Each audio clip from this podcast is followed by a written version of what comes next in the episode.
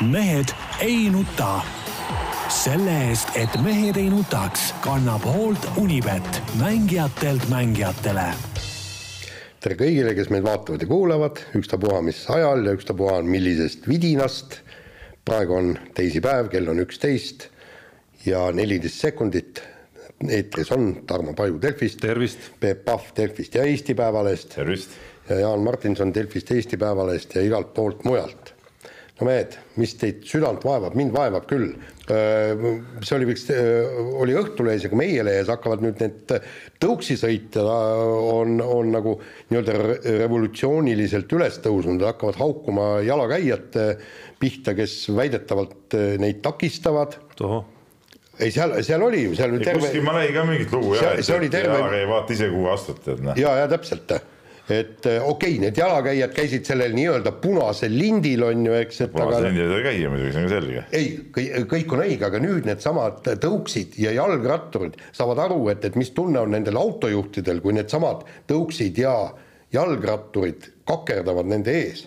ja kusjuures eh, eelmine kord saatest ära sõites oli eh, täiesti tüüpiline olukord ja, ja noh oleks tahtnud, tahtnud tulla anda lihtsalt jalgratturile molli. sealsamas selles äh, ERR-i äh, uudistemaja juures, vaata, tuli seal, mis tänav sealt, sealt tuleb, on ju, ja nii. ja tahtis teha siis nii, nii-öelda, kus ta tuli, vasakpööreteks. aga noh, autode joru oli, sõitis, ta oleks pidanud ootama. mis ta selle peale tegi? tšah, pööras sellele paganama jalakäijate rajale, sebrale ja rahulikult sõitis ja siis pani tead sealt ära ja kusjuures minu ees seal auto, see sai nippa-nappa pidama.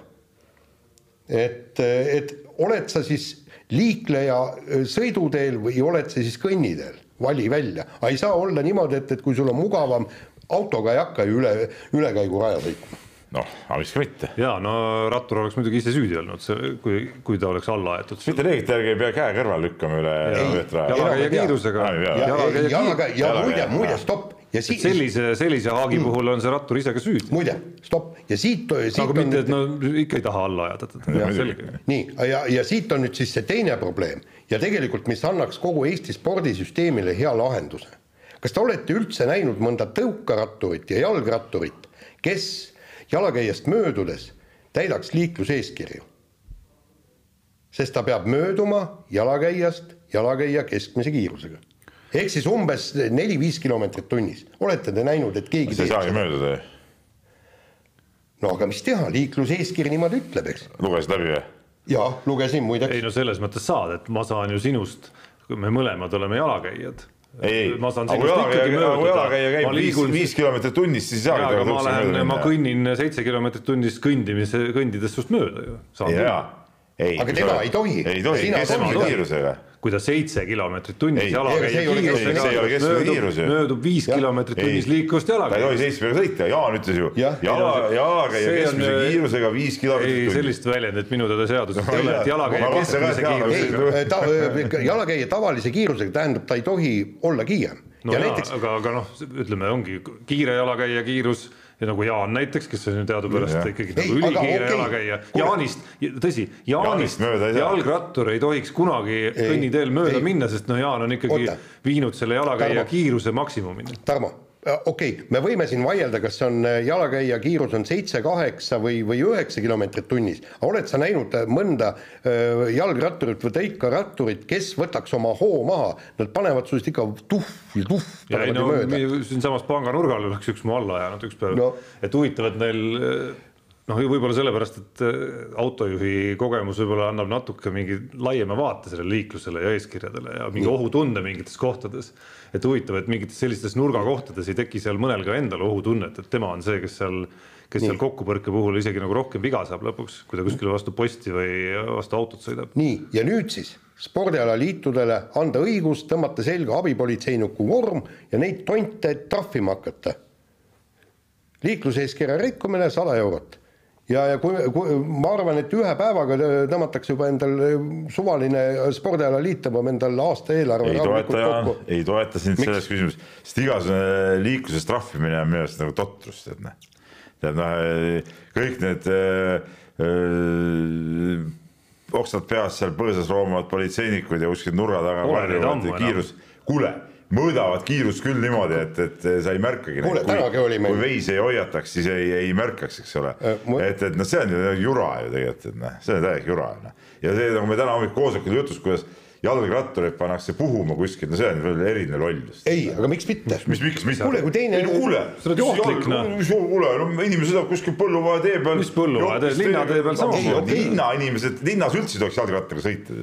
jalgratas on ikkagi maal, maal liikumise liiklusvahend, et noh. et, et ähm, ja, ja no mis, mis ma ei või siis paar õlut äh, võetud, ma ei võinud rattaga koju sõita. ah kuule, ära, ära, ära nüüd jama, aga ma toon selle, see on täitsa jama. reaalrattaga. et ma toon selle jutu parem, parem sinna tagasi, sinna, kust Jaan alustas, et, et ma ei ole seda poleemikat küll märganud, et tõuksijuhid midagi nõuavad ma tahaks enne nõuda teilt endalt, et õppige neid tõukse korralikult parkima, et kõnnitee keskkoht näiteks ei ole see koht, kuhu sa peaksid oma tõuksi nagu pärast kasutamist seisma jätta, et on täitsa võimalik, sul on kõnnitee, kõnnitee ääres tavaliselt on natuke muru ka veel või mingisugune nagu serv seal on ju, ja on täitsa võimalik panna nagu sinna, nii et see ei sega mitte ühtegi inimest, kes nagu, kes kõnnib, jookseb rulluisutab, äh, jalutab lapsevankriga, millega iganes, on ju, on võimalik täitsa panna sinna. see on täitsa võimalik, ma olen ise tõstnud neid ringi ka vahel suure vihaga, kui olen, mõni on ette. ei rohkem ajab mind närvi hoopis see, et, et nii harva, kui mina neid tõukse olen kasutanud, mul on äpp olemas kõik, eks ole nii. see on seesama, ma võin öelda sulle, see on seesama Bolti äpp, millega ka taksot saab. ja ma tean ja see tänu sellele ma saangi ja sellega saab võtta ka Bolt Drive'i, ma olen seda bussi ka võtnud ühe korra, kaupa vedanud eh, endale koju.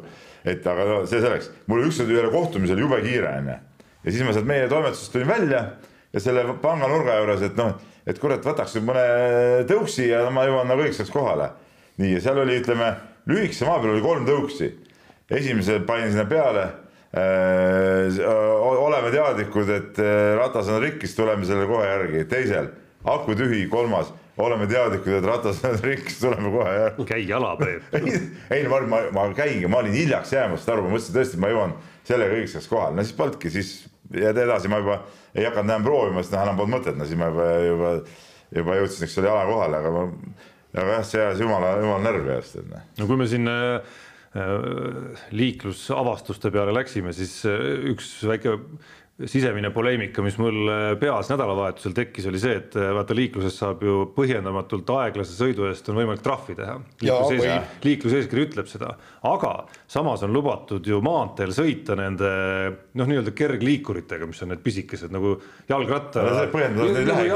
jalgratta nii-öelda nagu kuskil seal nii-öelda kast, kastis asuvad nad tegelikult viiekümnega vist maksimaalselt sõidavad. samas neil on lubatud sõita, on ju, et mul ei ole lubatud oma autoga näiteks seitsmekümnega tõristada, noh nagu põhjendamatult, on ju, aga nad võivad viiekümnega kiirtee peal sõita. mis on väga veider ja mis on väga ohtlik. see on selge, aga üks tähelepanek veel, tõuksidest rääkisime pikalt. ma käisin eelmine nädal väiksel puhkusetretil Oslosse, eks ole, Norra ja seal oli sihuke värk, et, et ma ei, ma ei nüüd täpselt ei tea, kas peale ühteteist või peale kahteteist enam tõuks, tõuksi võtta ei saa, ei tööta. ei, meil ju ka korjatakse nad kokku mingil hetkel. ei, nad seisavad tee ääres aga sa ei saa panna käima seda. ei, minu arust on meil sama. ei, kuule, ma eelmine, eelmine suvi Pärnus, äh, Pärnus tulin, äh, meil oli väike istumine seal, nii, ja siis ma tegin, pärast seda tegin väiksele Preilile sõitu, kel oli kindlasti südaöö läbi ja, ja Pärnu linna vahel võtsin ja, ja sõitsime igal juhul. väga huvitav, mulle meenub eelmisest suvest üks koht, kus ma ise mõtlesin ka, et sõidan äh, Telliskivist Peetrisse siis õhtul äh, pärast äh, õhtusööki tõuksiga, aga, aga kus see kellaaja piir nagu tuli ette mul ikkagi.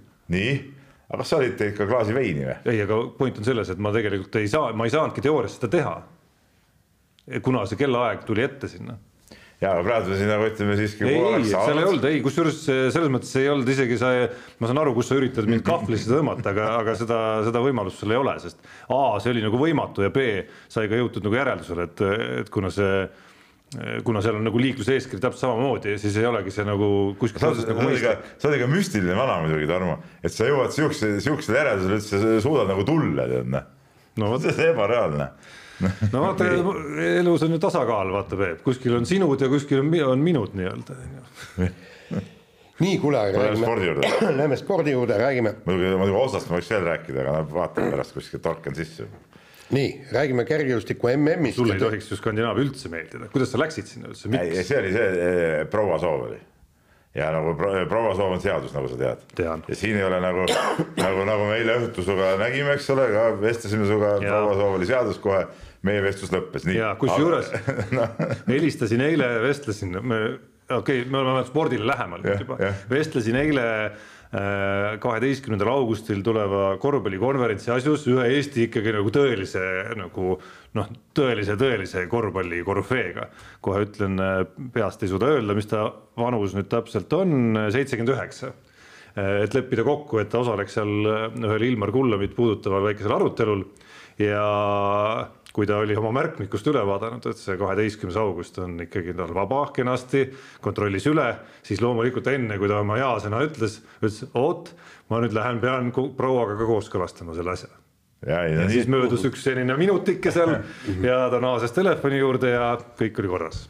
no vot, nii on, sellepärast tuli osasse minna, tähendab ja, ja, ja muidugi osa oli totaalne pettumus muidugi, täielik pettumus, et eh, ka prouale, kes ootas sealt nagu Põhjamaa linna, aga leidis eest mingi täiesti suvalise äh, multikulti äh, linna, mis nagu ei pakkunud äh, mitte mingit Põhjamaa elamust, aga loomulikult siis, et mitte jääda selle juurde, sai võetud ka rendiauto, sõidetud natuke linnast välja, seal oli kõik täpselt nii nagu vaja, käisime ka Lillehammeris, kus ma endalt varem käinud seal suusahüppetorni otsas, seal oli kunagi Norra ralli oli, Hamari jäähallis seal vaatasin, uisk ikka ripub seal üleval et, et ähm, ütleme, need asjad, see, see oli nagu tore, aga Oslo linn iseenesest ei jätta küll mitte mingisugust muljet. muide, ta, ta on kohati. no kuradi kallis, noh, ebareaalne täiesti, noh. tead, neljakesi käid söömas äh, sada eurot igal juhul. igal juhul sada eurot, mitte mingit varianti, õlu, kümps. noh, kuule, õhtusöögi juurde no kaks eurot ikka teed ju. nagu sa oled väljas puhkusel, noh no veini ei julgenud üldse võtta, no vein on veel kallim. Noh. nii see, Peep, kiirelt põikan vahele, et, et Oslo on multikulti linn ainult kohati. sellepärast, et me olime Madissega, käisime X-mängudel Kellit vaatamas. elasime normaalses kohas, eks, jalgsi minna niisugune noh, poolteist kilomeetrit, nii. ja viimane siis kilomeeter või, või no kaheksasada meetrit, kui me sinna Äh, Pii-, Piigaare võistluspaika läksime, ei olnud mingit multikultit, mitte ühte valget, mitte ja. ühte valget inimest ei näinud, mitte ühte. Okei see okay., mitte ühte valget, ei mingit multikultuuri ja, ja, ja meil oli aga... paras hirm oli tegelikult minna. aga siis sattusime ka äärelinna, kus, mis oli nagu ütleme, kus me sõitsime nagu seal siuke laevakesega saab sõita üle, kus on see Kon-Tiki muuseum ja ma ei tea, sa oled käinud seal? ja käisime seal ja seal on see polaarlaev on seal ja ka mingid muuseumid ja asjad. ütleme, see sihuke mingi poolsaareke, see oli nagu sihuke noh, nagu noh, ta on sihuke, ta ei olegi nagu linn enam, eks ole, põhimõtteliselt. aga linn ise on küll, jumal küll, no mis see. nii no,. Lähme kergejõustiku juurde. Lähme kergejõustiku juurde ja tegelikult täna oli äh, täna just mõtlesin, et kahjuks ei jõudnud vaadata, kuidas soomlastel läks, neil oli mingisugune kolmkümmend viis inimest oli seal koondises. Äh, neil oli neli kohta esikaheksas. neli kohta esikaheksas ja, ja, ja põhimõtteliselt Eestis oli viis, viis, viis võistlejat. ja kolm esikaheksas. Äh, esiüheksas küll. kolm esikaheksas. ei, kolm esikaheksas ja neli, neli esiüheksas, nii et et ausalt öeldes, kui kogu see äh, värk kokku võtta, minu meelest täiesti perfektne tulemus, kahjuks noh, üks kümnevõistleja äh, õiglane, tema, tema nagu ebaõnnestus ühel alal, eks. ja, ja, ja ka tema oleks kuidagi no ta est... ebaõnnestus ikka vähe rohkem no, ühel alal okay,. lepime aga... kokku. no ta oli ikkagi selgelt esikümne kursil liikus, noh. jah, et, et, et selles mõttes noh, jällegi, kuidas võtta, medalit ei tulnud ja pane tähele, kui, kui oleks kõik, kõik ülejäänud võistlejad kolmekümnendad olnud ja siis oleks ühe medali võtnud, siis ma oleks öelnud jube vinge, aga nüüd tead, väike okas kuhugi hinge jäi, sest noh, ikka. ei tea, ei jäänud. no ma ei tea, tuleb ju olla nagu realist ka ikkagi, et, et meil ei ole Gerd Kanterit hetkel, meil ei ole tipp, tippaegade Magnus Kirti, meil ei ole tippaegade Erki Noolt, et noh, meil ei olegi sellist kergejõustikust, kelle puhul sa enne MM-i, kelle puhul sa enne MM-i vaadates nende tänavust ja võib-olla eelmise hooaja tausta saaks öelda, et noh, ta on nagu medalisoosik sellel, sellel MM-il, no ei olnud ju. ise, isegi Erki Nool muide ütles, et, et tegelikult Rasmus Mägi võiks sihtida medalit. aga, aga noh, finaal läks tal muidugi totaalselt no untsu. ütleme nii, et tegelikult äh, äh Rasmus Mägi, nii nagu me siin ka ette rääkisime, mina pakkusin neljas kuni kuues koht, et, et see medalit oli seal nagu nagu raske näha ja, ja, ja kui sa võtad ka Uibo, sa ütled jah, et MM-i hõbe, eelmise MM-i hõbe küll, aga sa pead ikka vaatama seda nagu viimaste aegade siukest seisu ka, et, et mina olen Uiboga nagu väga rahul, minu arust tegi Äh, arvestades seda, mismoodi ta nüüd on nagu liikunud, tegi, tegi väga hea. no ta tegi oma ära, eks ju. ei no mis oma. no ta tegi ära, natukene rohkem kui oma, et vaadates seda, kuidas, kuidas see trend on natukene nagu väga miinusmärgiga olnud siin, siin viimasel ajal on ju. et see, see oli nüüd võistlus, mis andis natukene nagu lootust, et sealt sellest august on võimalik nüüd ronida kuskile kõrgemale, küsimus on nüüd, kui kõrgele, et kas, kas olukorras, kus maailma medali no alla kaheksa-kuue ikkagi nagu medaleid üldse vist äh, hetkel maailma tasemel ei jagata, on ju, et, et kas ka sinna tasemele on see tagasironimine veel, veel tehtav või mitte? muidugi on tehtav. noh, siit-sealt jälle, kui sa vaatad, kuskohast ta punkte kaotas, on ju, noh, võta kõrgushüppe, tee vastu hüppe, sealt oleks juba selle pealt mingi noh, mingi viis-kuuskümmend punkti, ei, mis rohkem oleks. no kaotas, no ta oli ju, ju ütleme, kakskümmend senti teibas on ju kuuskümmend punkti põhimõtteliselt ju. et, et noh, juba sealt ja ta on ju viis pool, võib hüpata küll. ja, ja kõrgust on ta. ja kõrguses jäi varu, ei seal varu oli ikka, tähendab noh. ja no lihtsalt on mingid alad, kus. ta tegi ainult ühe isikliku rekordi kuulitõukes, mis oma olemuselt eh, seal väike parandus on suhteliselt odav nagu. jah, no lihtsalt on nagu mingid kohad, kus, kus on nagu jube raske näha nagu, et kui sealt ei tule ka nagu mingit kärbet, noh, ma mõtlen neljasadat nagu eriti on ju et, et kui sealt ei tule nagu mingisugust eh, natukenegi paranemist et, et siis ikkagi nagu, nagu kuskil on see üldsumma piir ka ikkagi ees. mingi, mingi joon, kust on raske nagu edasi saada. ja, aga no ütleme, kui me vaatame nüüd seda, et, et kas see oli õige ta sinna saata, siis eh, tulemusega meist tõestas, et see oli õige otsus igal juhul. Noh. jah, ja me, kui me nüüd räägime siis selle meie, meie nii-öelda päikesekiirest ehk Karmen Pruusist, kes, kes kordas Eesti rekordi. mingi hüüdnime talle no on ju, kuulge, vaadake, vaadake neid intervjuusid, niisugune särav tüdruk, see on ju spordiajakirjanikule kingitus. keegi oli Jaanil üks päikesekiir oli ka suusatamises siin mõned aastad tagasi. suusasprinter, kas see oli see Pulles või, ei, kes ja, oli? ja kolmekümne sekka jõudis. oli kohe päikesekiir, aga kus äh,, paistab ikka või? ei pilve taga. pilve taga. pilv tuli ette. Ei, aga, aga noh, tähendab, ütleme nüüd niimoodi, oma olemuselt on tõesti, siis, siis praegu noh, okei okay, selge see, et me peame tantsu ümber tema lööma, et, et, et uus kuju, seitsmeteistaastane tüdruk tegi nii võimsa esituse, sai MM-il seitsmenda koha ja, ja. ma nüüd segan vahele, minu arust on väga oluline mitte liiga suurt tantsu tema ümber lüüa. absoluutselt mitte lüüa, et tüdrukul ikkagi ei ole mõtet nagu talle hakata nüüd mingeid ma ei tea, mis äh, kärbseid Just. Äh, pähe panema, et, et äh, las ta nüüd rahulikult teeb sporti ja nii noor tüdruk, ütleme ikkagi sisuliselt teismeline tütarlaps alles, et, et, et siin tuleb igal juhul hoiduda sellest, mina olen alati nagu Tarmo ja teate, ma olen üldiselt hoidnud üldse noorsportlaste väga tõsisest esiletõstmisest ja, ja. ja noh, lihtsalt antud juhul on probleem selles, et, et ta on reaalselt nii suurel areenil noh, nagu teinud ka päriselt nagu mingisuguse märgi, on ju, et ta ei ole lihtsalt noh, suvaline võrdlus, ta ei ole lihtsalt üks äh, noor korvpallur, kes tundub äh, kõrvalseisjatele andekas, on ju, et ta ongi, ongi reaalselt äh, oma vanust maailmarekordit korranud. nõus, nõus, aga vaata, kuna see tulemus tuli ka ikkagi meeletu rekordparandusega, eks ole siis ta peab kõigepealt, see tekitab niigi noores inimeses segadust. ma arvan, et see on päris hull välja nagu päris karm väljakutse. kuidas ma nii kõrgele järsku kerkisin ja kõik see et, et, et pigem ma loodan küll, et siin jäädakse mõistuse piiridesse ja ei ole nii, et ütleme, viima-, lähima kuu aja jooksul on iga ajakirja esikaane peal ja nii edasi, nii edasi. no teistpidi tema ise ja tema ütleme siis noh, abistajad peavad ju ka väga selgelt aru andma, et kui ta, ma ei tea, lähema kahe aasta jooksul isiklik rekord on endiselt seesama üks üheksakümmend kuus aga võib-olla on mingisugune stabiilsuse hüpe näiteks on ju, aga, aga enamik võistlusi jäävad ikkagi sinna ühe üheksakümne, ühe üheksakümne kuue vahele. On ka kõik normaalne. väga okei okay, on ju, kuigi seal võiks olla ka lihtne tekkima sellel tundel, et äh, pagan, siit peaks nüüd ka kaks meetrit juba kohe-kohe nagu tuleb sentimeetrid juurde. kusjuures ma ise mõtlesin, et kui ta kahekümnendaks eluaastaks sa suudaks saavutada niisuguse äh, stabiilsuse, et ta saab võtta algkõrguseks üks üheksakümmend ja suudab, suudab selle kolme aasta jooksul tõesti võib-olla kaks sentimeetrit oma tulemusel või ühe sentimeetri. üks üheksakümmend on ikka päris.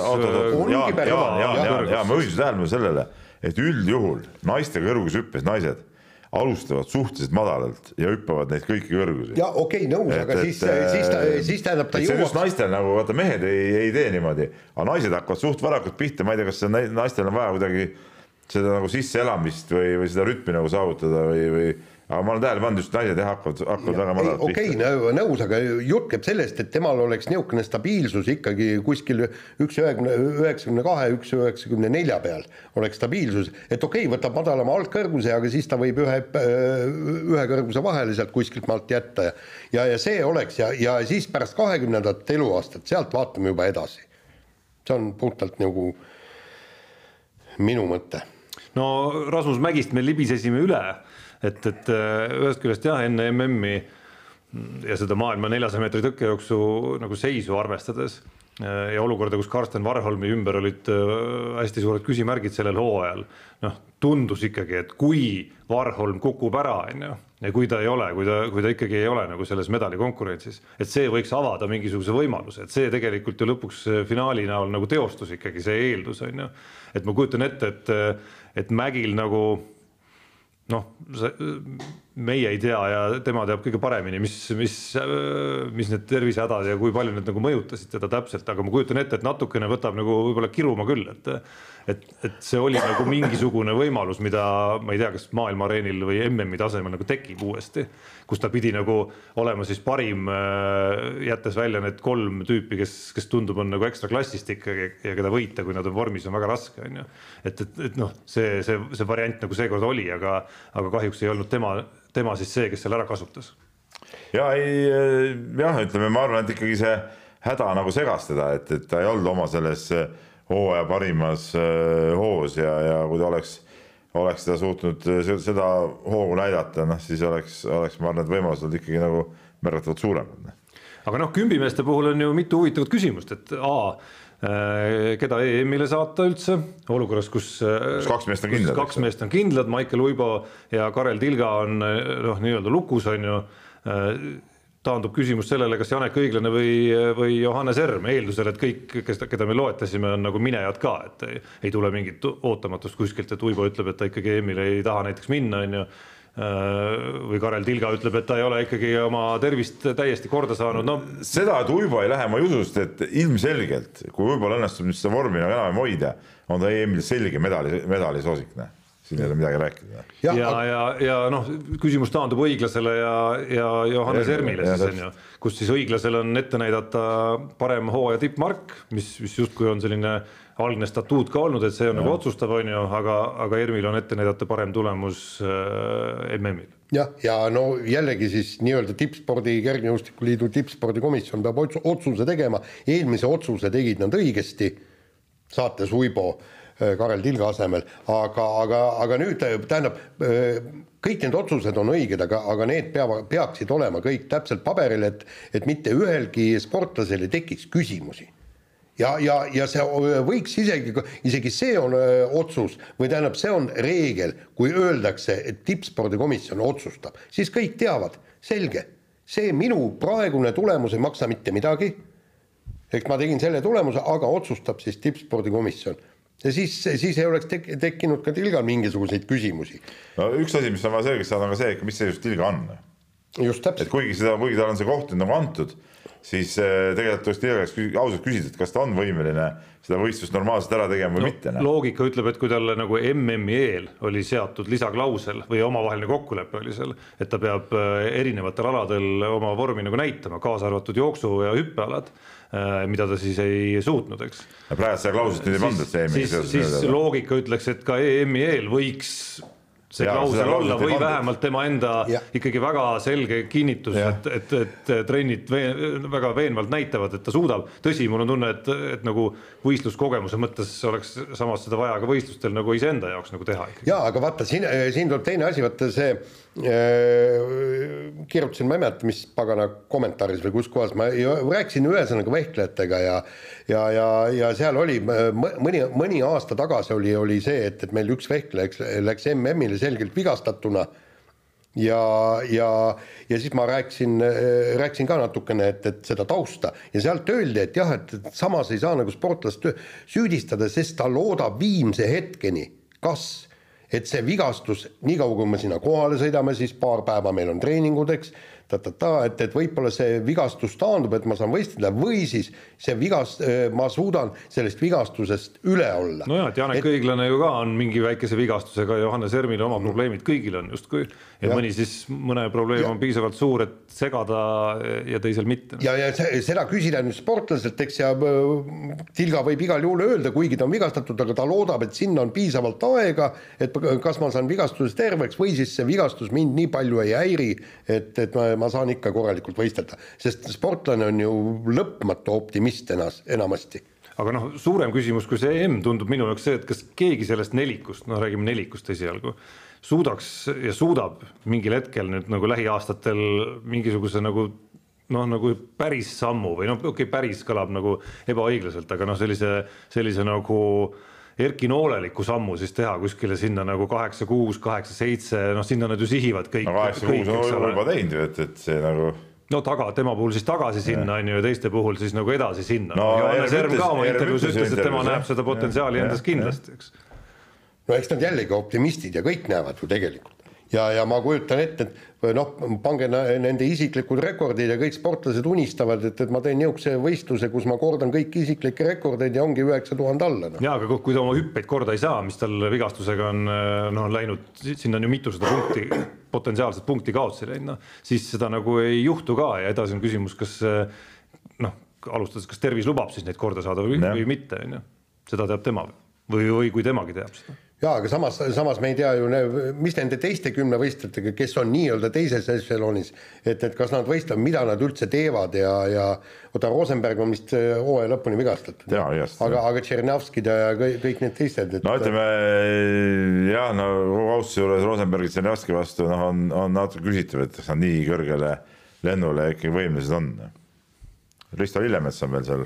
no just. kuskil seal vahepeal ka niimoodi. Hausenberg no Hausenberg äh, jah, Hausenberg ikkagi tundub, et mitmevõistlus on sise, sisehalli mees ja, ja suvel võiks ka raudselt kaugust hüpata. jah, aga, aga siin ongi küsimus, kas meil on üldse mingid, meil olid karikavõistlused äh, kergejõustikus, mida sa käisid kajastamas, et oli seal midagi säravat või? MM-i kõrval Pärnus mis ei olnud midagi säravat no,. mida sa mõtled nagu säravat? ei no ma mõtlen just selle, et, et, et mille peale sa aplodeerisid, oh vägev. no ma tunnistan ausalt, et ma tegelikult seda võistlust lõpuni ei vaadanud seal, et. no mis siin nüüd ja. keerutada, ilmselge põhjus sinna minekuks oli see, et Magnus Kirt tegi oma teise võistluse seal ja, ja see, mis sealt välja koorus nii intervjuust sulle kui ka siin Toomas Merila kommentaaridest, mis on, mis on selle järel ilmunud, eks see tekitab ikka päris palju küsimust, et et, et kas ja kui kaua me Magnus Kirti näeme, et, et.... no vastus oli lihtne, et, et vähemalt kuni septembrini ta püssi põõsasse ei viska, noh. et see noh, kuidas öelda,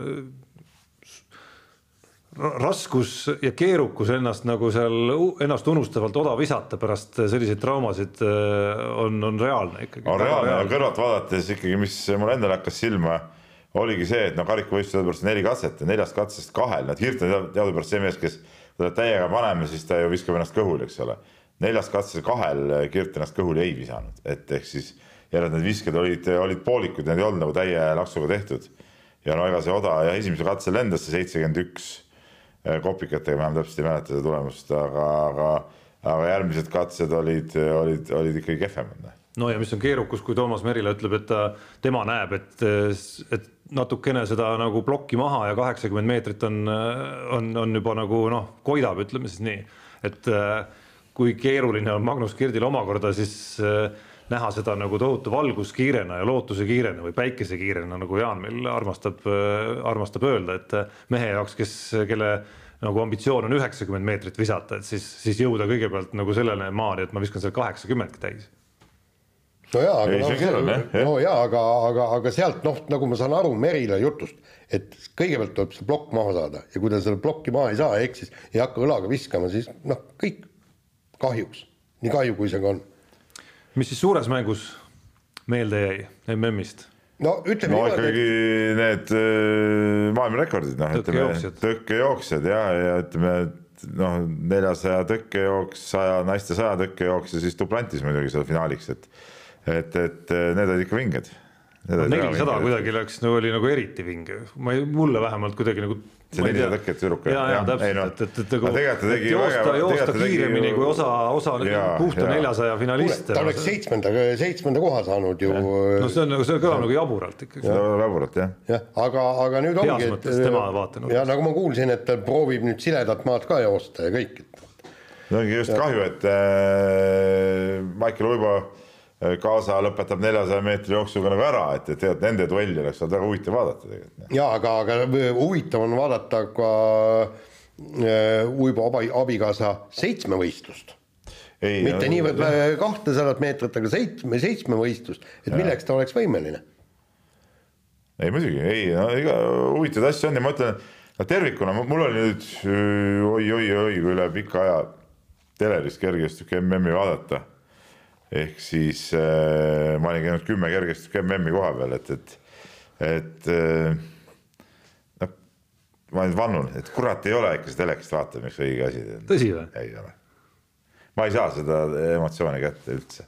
huvitav, ma, ma oleks tahtnud siia veel siukse igavavõitu nagu väikese sellise nagu äh, hõiskamise teha, et nagu mina tugitoolisportlasena sain sellest kergejõustiku MM-ist nagu võib-olla üle aegade isegi nagu ägeda elamuse. vaata, ei, võistlused olid ägedad, ma vaatasin, no muidugi kellaaeg ka nagu segaseks, ma seal kerisin läbi ja, ja noh, ütleme vahepeal jätsin vahele, ma öösel päris üleval ei, ei istunud. aga, aga ikkagi kergejõustik sihuke ala, mida sa pead staadionil vaatama, sa pead olema nagu see, haarab neid kõiki asju, see käib, mitu asja käib korraga ja ja kuidagi no kui sa oled harjunud seda staadioni vaatama, siis noh, telekas ei ole ikka. ja aga vaata selle MM-i probleem ongi ju see, et, et tegelikult on nii, nii tähendab kuidagi tükkideks killustatud ja ja kümme päeva kestab, seal oli mõnel päeval oli täitsa absurd, seal mingid kaks, kaks finaali ja need olid ka mõlemad olid noh, nagu niisugune jaa, aga teisest küljest, teisest küljest on see andnud jällegi selle, et sa noh, näed nagu rohkem ikkagi ja sa saad igasse alasse nagu rohkem süveneda, see, et on veel nagu noh, ülekanne paranenud nagu Eesti vaataja jaoks veel mingite lisakäikudega, et seal meie aladel noh, neil on võim-, ilmselgelt oli võimalus pilti valida ja, ja, ja et, et äh, arvestades siis Eesti vaatajate huvisid on ju, et see minu arust on andnud ikkagi nagu hoopis teise kvaliteedi sellele elamusele. aga see kehtib muuseas, minu puhul kehtib ka muude spordialade suhtes, näiteks äh, ka telekast ikkagi ei ole korvpalli näiteks see vaadata, mis koha peal, ei ole jalgpalli see vaadata, mis koha peal. et, et telekast vaatamine on ikkagi ja. nagu jama täiesti. ja, ja sa, samas jälle ma ütlen, et Ameerika jalgpall on selles, et. ja me räägime. ei, see on, see on ikkagi puhtalt golf puhtalt teleala, sellepärast et sa golfiväljakul sa ju tegelikult ei näe, mis seal toimub, eks. no kui me. ma räägin praegu päris kui... spordist, sa hakkad rääkima, mis golfist ja ma ei tea, mis asjadest. ei, ma, ma toon lihtsalt kaks näidet sisse nii no,. ma olen seda Ameerika jalgpalli nagu koha pealt. ei no okei okay,, eks neid võrdlusi on muidugi, see on näe. sama, mis sa lähed, ma ei tea, Tour de France'il lähed ühele tõusule versus see, et sa vaatad telekast tervet mm. võistlust. no just kuigi okei okay,, sa saad seal ühel tõusul äh, telerist vaadata ka kogu võistlust. Ameerika jalgpallis on see, et, et kui on seal, äh, tuleb läbimurre meeste mass, siis vähemalt ka, äh, kaamera suudab selle nagu, nagu fikseerida, sa näed, mis seal toimub, kui nagu pall käest ära. mis inimesed käivad seal staadionil siis ah?, mis inimesed käivad seal staadionil? ei no sellepärast käivadki, et, et seal on lahe, seal on õhkkond, seal on kõik muu niisugune asi. kas seal areenil ei näidata siis ekraanilt ka? ei, seda näidatakse, aga mina ju vaatan mängu ja siis ma vaatan pärast selle ekraanilt ära, mis seal tegelikult toimus no.. et seal ongi see probleem. staadioni saad ka vaata pärast ekraanilt ära, sa näed kordusi ka ju. ja ei, aga tele, telekas sa näed ikkagi, ikkagi seda paremini. Jaan on nii mugav. jaa, lihtsalt nii mugav. pikutada vaata seal. kuskil kohal käia. seal voodis tal on kõhu peal ilusti on see, tal on tekkinud sihuke platvorm ka sinna, kus ta saab, looduslik platvorm Eh, kus ta saab selle ilusti arvuti panna ja, ja see on lihtsalt mugavuse vahe. te,. sest te, tegelikult võta see suusatamine ka, suusatamist, kui sa oled staadionil, sa vaatad ju tegelikult telekat. Sa vaatad ju tegelikult telekat. seda küll, aga sa saad seal selle õige tunde ikka kätte, ma käisin laskesuusatajas MK-etapil siin, mis oli Eestis, noh ikkagi see seal, ma vaatasin osasid distantsi, vaatasin kodus, ma olin kaks päeva, viimast päeva olin koha peal ikkagi sa koha peal saad hoopis teise tunde ja igal juhul ma mitte midagi, mingil juhul ei vahetaks koha peal vaatamist telekast vaatamise vastu. sama asi on autoralliga, sina istud seal selles kuradi pressikeskuses, sa ei saa kunagi teada, mida see ralli tegelikult tähendab, sa ei teagi, mis see ralli Nii, tähendab. sellepärast just umbluud nagu kirjutadki. just, aga, aga, aga ma vähemalt näen, mis toimub. mida sa näed, no mis, mis sul näha on seal? Noh? no mis mõttes. raja ääres saad ka telefonist vaadata. no sa näed, sa lähed raja äärde telefonist vaatama, selle asemel, et vaadata. sa näed, millised on reaalsed rajaolud, mismoodi see kõik seal käib, kuidas sõidab, see on hoopis teine asi ju noh Peep, me praegu, praegu vaidleme sellest, kas sa koged emotsiooni ja seda sa koged kindlasti staadionil. mitte ainult emotsiooni, vaid sa seal näed ka detaile. aga sa ei näe detaile. muidugi näed. mida, mida sa näed? sama rada, sa ei näe mitte telekas, sa kunagi seda rallirada niimoodi tajuda, kui sa seal kohapeal oled. kuule, ja mi, mi, mida sa millised need roopad seal on, mis mis olukord seal tegelikult no, on? nii, näed need roopad ära ja sul jääb tegelikult näda-, nägemata, kuidas ja pärast lähed siis vaatama, kuidas, kuidas üks või teine bambusse sõitis. no mis see bambusse sõitmine nii oluline on siis? no see ju maksab tulemust, kui ja, sa, kui sa vaatad, kuule vaata, vaatad, kuidas Kalle Rovandpera kihutab seda viimast katset ja kui sa oleksid seal nii-öelda oleks mööda läinud, sa ei oleks seda tajunud, seda absurdsust, kuidas ta suudab nii vihmamärjal rajal seda autot teel hoida. seda sa just, just tajudki, et kahe sekundi kaupa. no miks kuskil ei ole ju kaks sekundit ei ole niimoodi, sa ei seisa niisuguse koha peal, kus auto no äkki seitse sekundit, no kümme sekundit. no igal juhul seal saadki sellest ju aru, mismoodi on kiirus. nii, vahetame teemat, läheme korvpalli juurde ja Eesti korvpallil on kahe saate vahepeal olnud hea nädal päris mitmes äh, päris mitmes asjas ja alustame punktist üks, sellest, et Eesti kuni kahekümne aastaste korvpallikoondis lõpetas siis B-divisjoni turniiri Euroopa meistrivõistlustel kolmanda kohaga, ainus kaotus tuli poolfinaalis Serbiale ja kolmas koht ühtlasi tähendas siis äh, pääsu A-divisjoni, mis ei ole meie koondiste jaoks selline nagu noh, igapäevane ikkagi, mis tähendab, et iga sellist saavutust tuleb, tuleb tähistada, ma arvan, aplausiga ikka. ja igal juhul, igal juhul väga-väga kõva saavutus ja, ja väga-väga hästi poisid, poisid mängisid, aga noh, siis me peame vaatama nagu teistpidi, et, et okei okay,, meil see oligi praegu kaks tuhat kaks oligi päris hea aastakäik.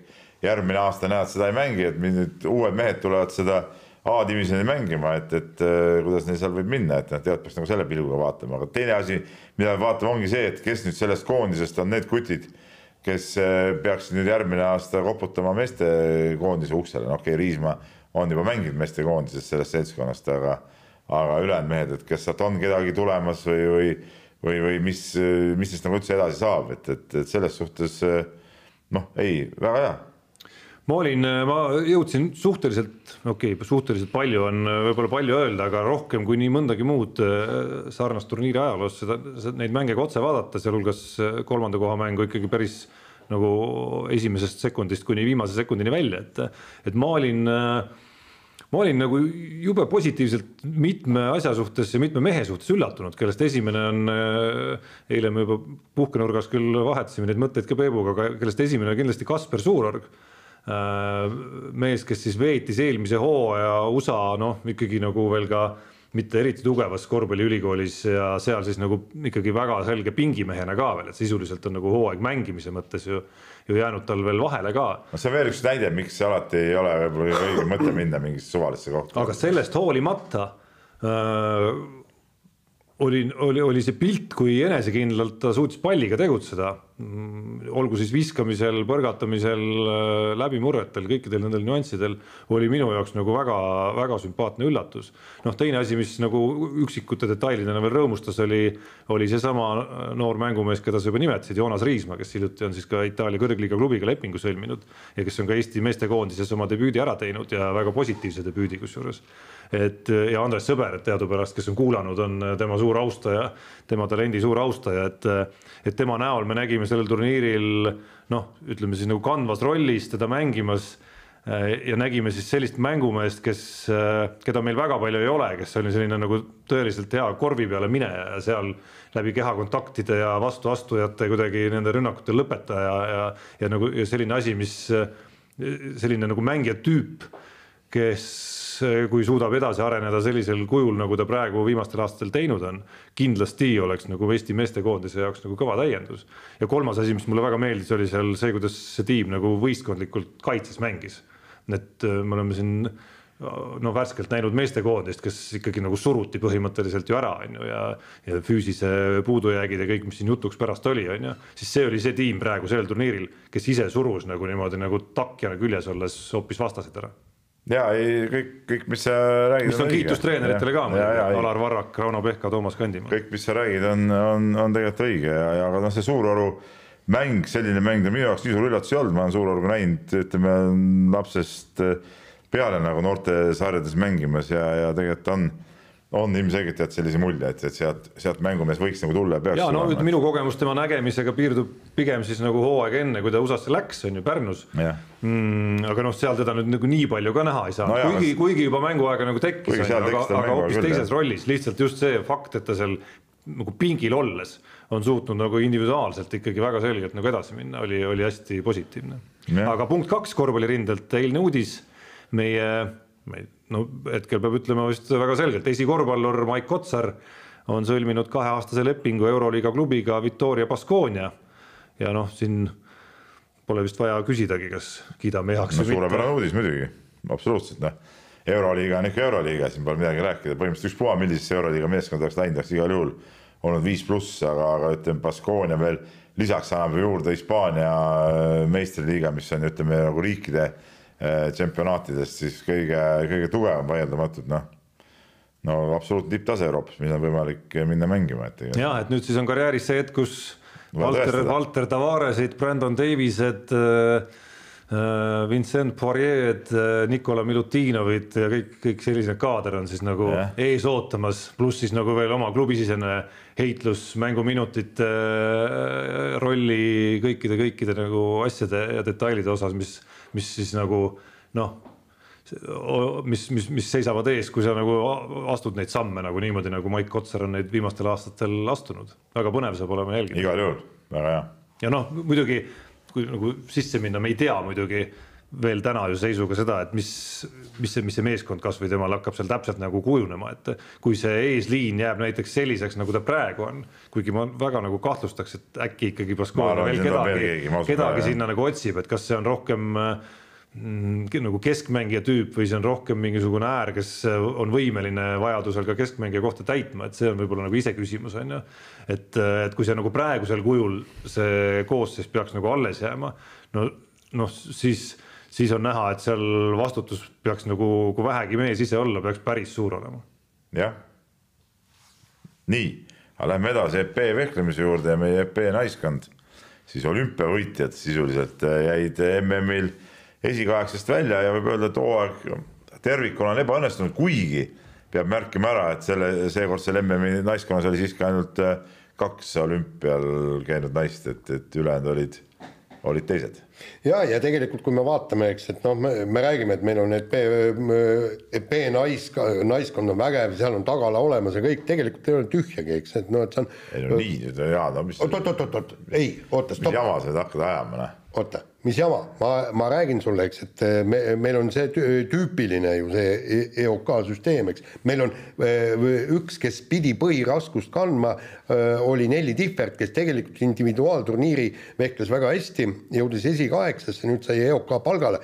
Et, et tema on ju see, kes teeb täie, täiskoormusega füsioterapeudi teed hommikust noh, päris täiskoormusega muidugi teed, siis ta ei saaks päris laagrites käia, aga ta teeb muidugi jah, ja kõik, kõik on õige. aga mis see siia puutub? siis, Tihvert ju tegi oma, oma asjad ära lihtsalt. ei, ta, ta, ta ei teinud ka võib-olla naiskonnas, ta ei teinud ära ja, ja, ja seal ongi just see probleem, eks, et et me oleme võib-olla liiga kinni hoidnud sellest, et meil kogu aeg vehklevad ühed needsamad naised, nad on saanud küll neid tulemusi kirja ja kõik, eks. Tihverti probleem oligi see, et, et tal oli sisuliselt, ma ei tea, teine-kolmas võistlus üldse naiskonnas ja selge see, et, et seal on kõvasti ebakindlust, eks, kui sul ei ole veel ka lisaks ei ole varu, varuvehklejat. pigem on probleem selles, et nii-öelda varuvehklejat ei hoitud kogu aeg töös, minu arust Kuusk ei olnud koondise juures. ei olnud jah, aga tema on ka amatöör. ja, aga see on nagu, see on nagu probleem, see amatöör, mis, see on ka sihuke, et kui EOK palgal ei ole, siis kohe amatöör, no päris nii need asjad muidugi ei ole, tead. Noh. no ta et, et, üsnagi on. tema, et see ongi nüüd nagu alaliidu teema tegelikult, et, et hoida seda kuut naist kogu aeg kõiki kogu aeg võrdselt äh, töös ja, ja, ja, ja nii ongi. Kuusel oli ka vigastus, eks, ja, ja see, see näitabki, et, et praegune seis ongi see, et, et, et ühtäkki on meil see, see naiste vehklemine äh, sedavõrd õhuke, kui meil on, äh, paneme, võtame see Irina Emrich, no, no kui kaua ta nelikümmend pluss aastasena jõuab veel vehelda, eks, ja, ja, ja, ja, ja meil ei ole tugevaid noori praegu peale tulemas, eks et kui no see on küll õige, et, et just, noori ei ole päris tulemas. võtame niimoodi, Kristina Kuusk oleks tõesti olnud nii vigastatud, et ta ei saa, ei olekski saanud veelda, me, olekski kolmekesi välja läinud. meil ei ole kedagi, meil on järgmine, kes on, on äh, Karoliine Lott, aga, aga ta praegusel hetkel ei vea välja. et eelmine, see, see põlvkond, kes meil nüüd nii-öelda neid, neid medaleid võitis, siis oli ju need vanad lahkusid, põhimõtteliselt jäid Irina Emrich ja Kuusk ja siis hüppasid välja kaks suurepärast juuniori, Erika Kirpu ja, ja Julia Beljajeva, pluss, pluss oli Julia Suikova, kes ja. oli ka naiskonnas või ka sama, sama noor, eks, aga Kirpu lihtsalt vehkles ta üle, eks. Et äh, Veronika Suikova oli ka valmis muide MM-ile minema, aga, aga noh, tema on ka siia-sinna, eks ju. nii et, et tegelikult, tegelikult tuleks selle nii-öelda järelkasvuga teha palju tõsisemat tööd no oskad sa valgustada natukene, mis, mis on Karoliine Lloydist saanud, ma huvi pärast taustal lõin ta meie enda uudiste otsingusse Õpib sisse praegu. ja pilt on ikka üsna hõre viimasel ja, paaril aastal, viimasel paaril aastal väga vähe läbi käinud uudistest. nojah, ja, ja, ja põhimõtteliselt Tartus õpib ja, ja, ja ütleme niimoodi, et, et ei ole ikkagi seda taset saavutanud, nagu loodeti. sest tema, tema ju lõppkokkuvõttes ei võitnudki individuaalmedalit kadettides ja, ja kadettides, eks, et mis, mida on võitnud kõik K4 tihvert, eks, ja, ja, ja kõik need, eks. okei okay,, aga üks küsimus ikkagi, see tagala tagalaks, needsamad naised, kes olümpial siis särasid meie eest, okei okay,, Lehis nüüd äh, sai vigastada, eks ole, ja üks kahest suurest võistlusest jäi tal, jäi tal siis see suvi nagu pidamata, on ju, aga fakt on see, et needsamad olümpiasangarid mingil põhjusel. Beljajev ei teinud kummagi võistlust kaasa. et aga noh, fakt on see, et mingil põhjusel need sangarid ikkagi nagu ei olnud sellel tasemel enam, mis eelmisel aastal. no seda oli nagu karta, et ega see peale sihukest suurt võitu ongi väga raske ennast äh, kohe kokku võtta, noh, võib-olla, et, et äh, ma arvan, et see, et üks aasta kulub vahepeale sihukest nagu nii-öelda pohmelli välja ravimiseks, noh, selles iseenesest ei ole midagi, midagi hullu, et, et kui nüüd nagu sellest eh, tehtakse omad järeldused ja leitakse nagu endas uus motivatsioon ikkagi jälle täiega tõmbama hakata. No, mis, sina... mis see oli siis, pingelangus, tehti trenni vähem no,, mis, mis, mis see nagu siis oli? seal võib mitu, mitu punkti olla, üks punkt, nagu eh, Kaido Kaaberma ütles, oli ka see Beljajeva puud, Beljajeva eh, puudumine, kes ütles niimoodi, et ta on mõneti võistkonna hing ja ta suudab selle võistkonna nagu, kui on võistkonna kaotusseisus, ta suudab selle käima tõmmata.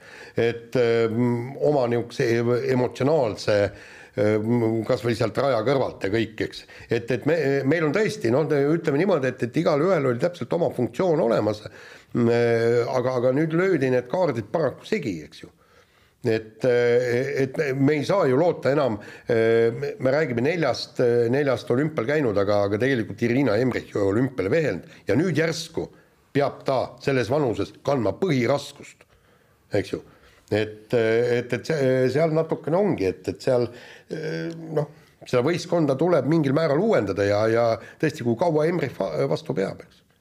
kas Beljajeva tuleb tagasi pärast lapsepuhkust?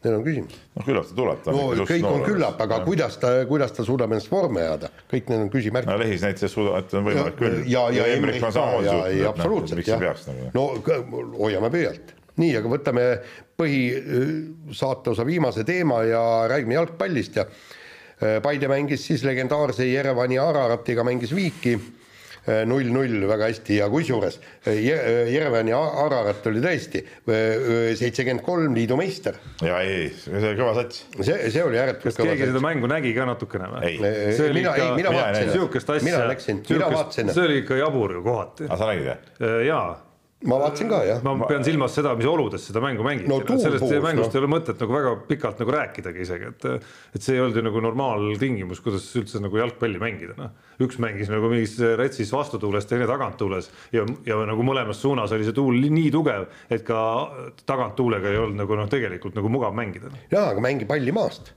mängi palli maast, no kuidas on see ta, ta, ta, taganttuul, kuidas ta siis nii väga mõjutab seda? Kui sa. no sa tead, vana golfimehena tead sa väga hästi, et väga hästi mõjutab, isegi maas veerevad palli putates. ei, absoluutselt ta mõjutab, aga ta ei mõjuta nii palju, et see, see häirivaks saab. ei no, no see selleks, tähtis on see, et tuldi null-null vihiga tagasi ja, ja neljapäeval on võimalus äh, nagu teise, veel ühe korra edasi ja, saada, et, et see on nagu peamine. et see, see lugu hakkab no ärme ei taha ära sõnada, aga lugu hakkab igatahes kuidagi väga nagu toredaks minema nagu Karel Voolaidi personaalses mõttes ka, et, et väga palju kahtlejaid olnud tema ümber koduses liigas, see start äh, Paidega ei ole ka nagu kõige parem olnud, tabeliseis on selle hea tunnistaja, on ju, aga nüüd nagu tähtsaid mänge on suudetud äh, mängida väga hästi järjest, et kui siia nagu üks veel otsa tuleks oleks see lugu juba nagu päris, päris ilus. ja, ja kusjuures FC Levadia oli ka noh, ronis nagu sellest äh, kuristikust välja, oli null kaks kaotusseisus, kaotas ainult äh, kaks-kolm, nii et, et ka neil on võimalus, kui nad lõpuks ennast kätte võtavad no,. kuidagi väga ebastabiilselt tulevad need asjad, et, et see, kui palju neile puuri Euroopas palli lüüakse, on muidugi ikka karm. just, aga nii, laseme kõlli Läheme kiire vahemängu juurde, peab tõesti kiiret tegema, meil saateaeg hakkab kokku. kus, kus ta sul, kus ta kokku jookseb? no vot ise, me oleme viiskümmend minutit rääkinud. kuskil on mingi piir meil või? ei, ei ole, oma see tunnetuslik piir. ja ei no aga vaja tööle minna ja kõik. jah, no koju, Jaan, Jaan peale seda, et te alati koju võite. ei, ei mul on, kusjuures praegu mul jäi see üks intervjuu ära, muidu ma oleks, muidu ma oleks kümne minuti pärast siit Äh, no suht rumal oli, oleks olnud sinust leppida kokku intervjuus kella. teist võimalust ei olnud. ah kuule, alati on teine võimalus. ei ole kunagi teinud teist võimalust, nii räägime Anett no, Kontaveit. liiga hiljaks, liiga hiljas intervjuud teha ei jõua. ta meelega lepibki kokku ei, selle sinna. ei, see oli, inimene läks konkreetsesse kohta ja, ja pärast ja siis pärast nii, tema okay, asjaajamist, ühesõnaga räägime Hamburgi turniirist. detailid ei huvita kuulajaid. nii äh,, Anett Kontaveit jõudis kenasti finaali äh, Hamburgi turniiril, aga, aga noh, põhimõtteliselt noh, kahjuks kaotas ja mis äh, kohe statistikud välja tõid, ta on mänginud elus neli liivafinaali ja kõik neli ka kaotanud, aga noh, ma see, sellest nüüd nagu mingeid äh,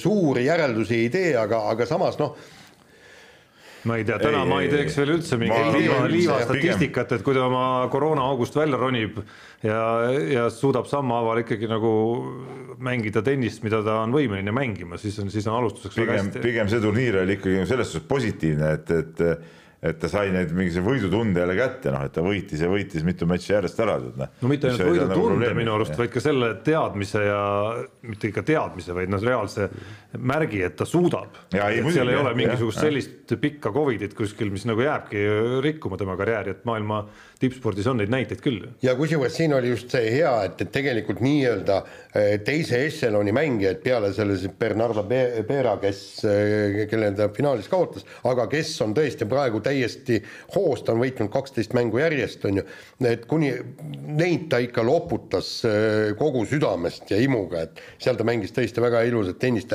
ei tekkinud kordagi kahtlust umbes, et et, et võiks, võiks neid mänge kaotada. Nüüd siis täna alustab ta, oli siis kumb ta oli Praha turniiri jah.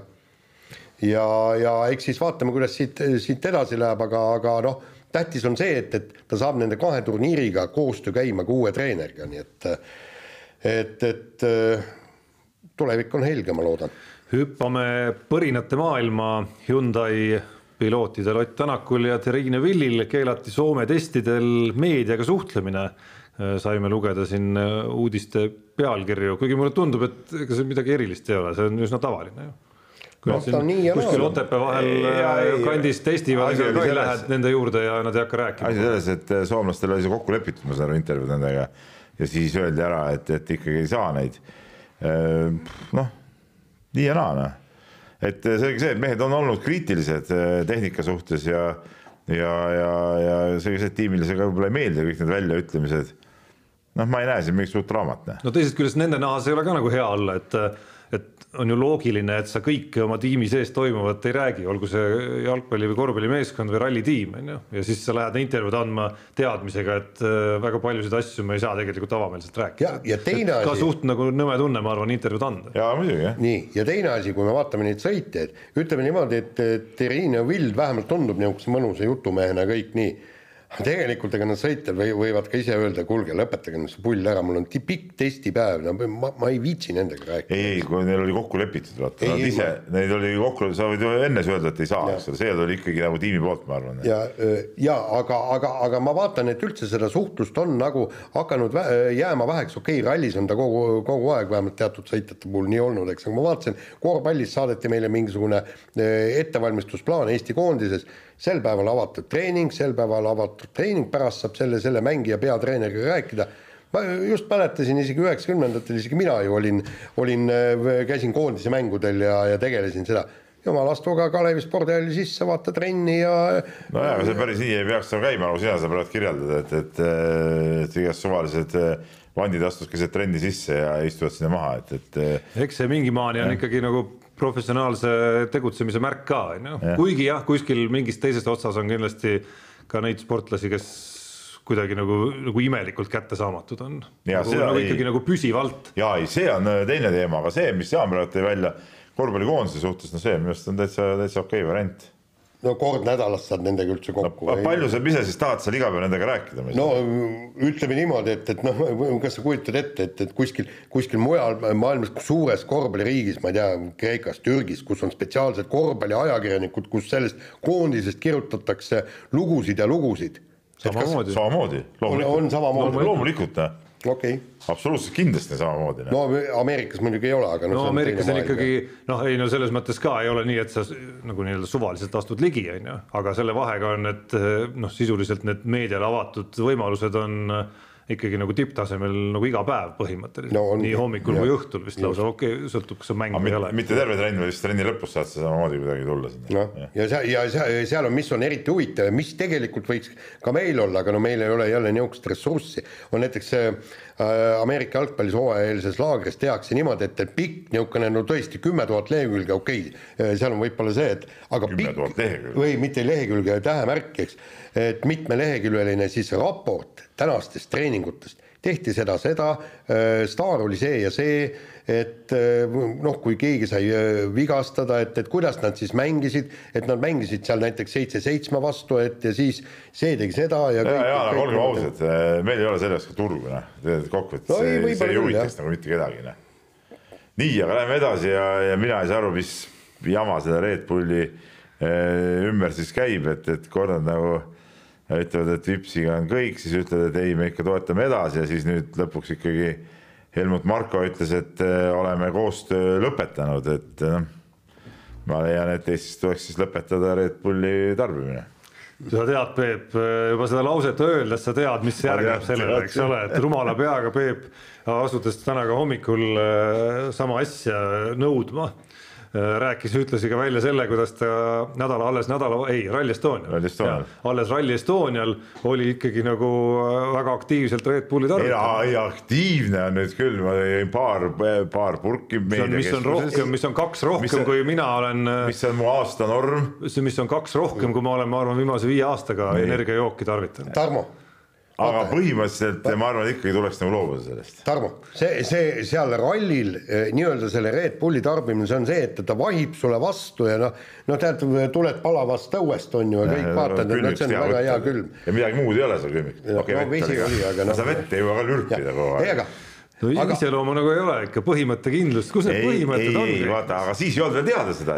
ei, nüüd ma, ma kogu aeg mõtlesin, et mis hetkel sa nagu selle, sul meelde tuleb, et, et sel hetkel ei olnud veel seda nagu nii, et teistpidi pöördunud see pendel, et no. sa vastupidi nagu, sa tahad väita, eks ole, nüüd sa tulid selle peale, et ja, seda öelda. et tahad väita, et kuna tol hetkel oli valitsev info, et Red Bull ikkagi toetab, et siis, siis sa nagu tähistasidki, sa, sa nagu tegelikult toetasid ja tänasid Red Bulli selle otsuse eest et nüüd sa tegelikult tahaks need kaks tükki eemaldada oma organismist. jah, ma lasin need välja juba ausalt öeldes. jah, aga muide no, see. mingid ained, ma arvan, on alles ikka. muide, aga tegelikult see, see oli, see oli tähendab. tegin selle organismi puhastuse. Võrru sool ja läheb see nagu ikka voolikuga nagu? ei, see Võrru sool, ei, võtad sisse ja kõik tuleb välja aa, niimoodi. aga mis ma tahan siia öelda, et see oli ebaõnnestunud ajal, andis Helmut Markusele intervjuu ja seal oligi temale ju esitati küsimus Vipsi kohta. kui poleks seda küsimust, siis olekski kõik oleks vaikselt ära kustunud ja, ja kõik, eks. aga noh, oli siis ajakirjanikul vaja torkima minna ja nagu Helmut Marko ütles, meil koostööd ei ole ja ta ei öelnud mitte sellepärast, et ei ole koostööd, et Jüri Vips on pätt ja kaavakas, vaid sellepärast, et praegu on ajad niisugused. Nii, aga nüüd vahetame teemat ja ma huviga ootan, ootan, kuidas Jaan selle teema nüüd välja hääldab ikkagi. Tähendab, Kreeka üks tublimaid korvpallimängijaid, NBA-s suur staar, Tarmo võib tema nime ette kanda, Giannis on ta eesnimi ja, ja tulevad nüüd Eesti vastu äh, mängima ja siis millegipärast, vot, vot sellest ma ei saa aru, näiteks Õhtulehes on, on seal umbes viis artiklit on sellest kirjutanud, et, et et, et äh, kodanik tuleb Eesti vastu, noh, nagu seal oleks nagu mingi ma-, maailm vajuks kokku. Ja, ja siis noh, tähendab, äh, mille peale Andres Sever ütles, et jumala eest, las ta tuleb, et ei ole mingisugust probleemi, paneme Henri Trelli talle peale ja ongi asjad korras, et et võetakse mees kinni, ütle siis, kes see. ma ikka alustuseks ma... tahaks, et sa nagu viisakalt täisnime välja hääldaksid. ma ei ole selleks võimeline. no see ei ole nii raske. Giannis Antetokounmpo. no nägid, vot seesama mees, just aga Andrese optimism on muidugi piiritu ei no tuleb tunnustada Andres et... sõbra nagu sellist, eh, no veel palju hullem oleks, kui me käiks ringi ja soiuks, et nüüd tuleb Antetokounmpo vastu mängida ja oi, me, see on ju nii võimatu ülesanne, tõsi. Mind see detail üldse ei huvita, mind huvitab palju rohkem see, et me saame enne nagu selles valikmängus eh, Dončitsi vastu mängida, see on palju ägedam asi minu arust. no ega mõlemad trell... on ikka päris ägedad asjad. kuule, aga kui trell võtaks näiteks hoiaks Dončitsit äh, niisugune nelja punkti peal ja, ja kreeklast kuue punkti peal, kas oleks see teekond kohe NBA-sse või? jah, ma usun küll, kui ta ikka, see on tema personaalne selline nagu äh, tema selge kordaminek, tema võtab just, terve just, mängu, kõik minutid, mis mehed on väljakul, võtab ja. või ütleme siis no võtab vähemalt kakskümmend viis minutit ja selle kahekümne viie minutiga puhtalt üks-üks kaitse pealt ja. need saldod jäävad selliseks. no nägid, vaata, kui kiire tee ja lihtne tee on ju NBA-sse, tee üks, kaks korralikku mängu olemas. jah, mulle natuke meenub, olles nüüd tüüpiline selline nagu negatiivse mõtteviisi harrastaja, meenub lihtsalt kaks tuhat üks Euroopa meistrivõistluste mm -hmm. finaalturniir, kus mäletatavasti Eesti esimene kohtumine oli Saksamaaga, kelle ridades astus meile vastu Dirk Novitski.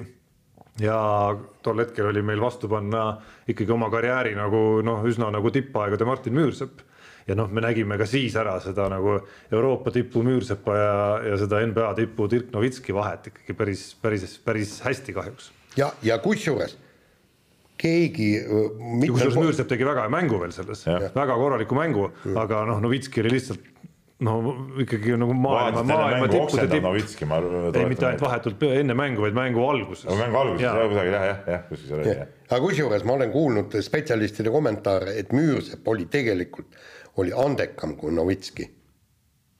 aga ei mänginud oma potentsiaali kaugeltki välja nii, aga selle saatuse lõpetuseks äh, teema, mida on kõik meie kuulajad-vaatajad, ma arvan, ikkagi nädal aega või mitte palju, jaa, peaaegu nädal aega nädal. Äh, nädal aega oodanud, esiteks me muidugi esitame Jaaniga oma pretensiooni, et Nimelt. Äh, vaatasime mitte Jaani, mitte Jaani Lee, vaid Jaani ka sulle oma pretensiooni, et kõik need head mõtted, mis me panime kaasa sulle eelmises saates Keilas toimuvale pressikonverentsile, kuidas, kuidas Keila klubi treener võiks seal linas olla ja kuidagi üllatus, mingid väiksed siuksed fanfaarid ja, ja värgid kõik no ma vaatasin seda, ei toimunud, ei olnud. no vot, me, me. sa ei oska seda show värki. me ei ole see edevuse laat, et me teeme lihtsalt oma tööd seal.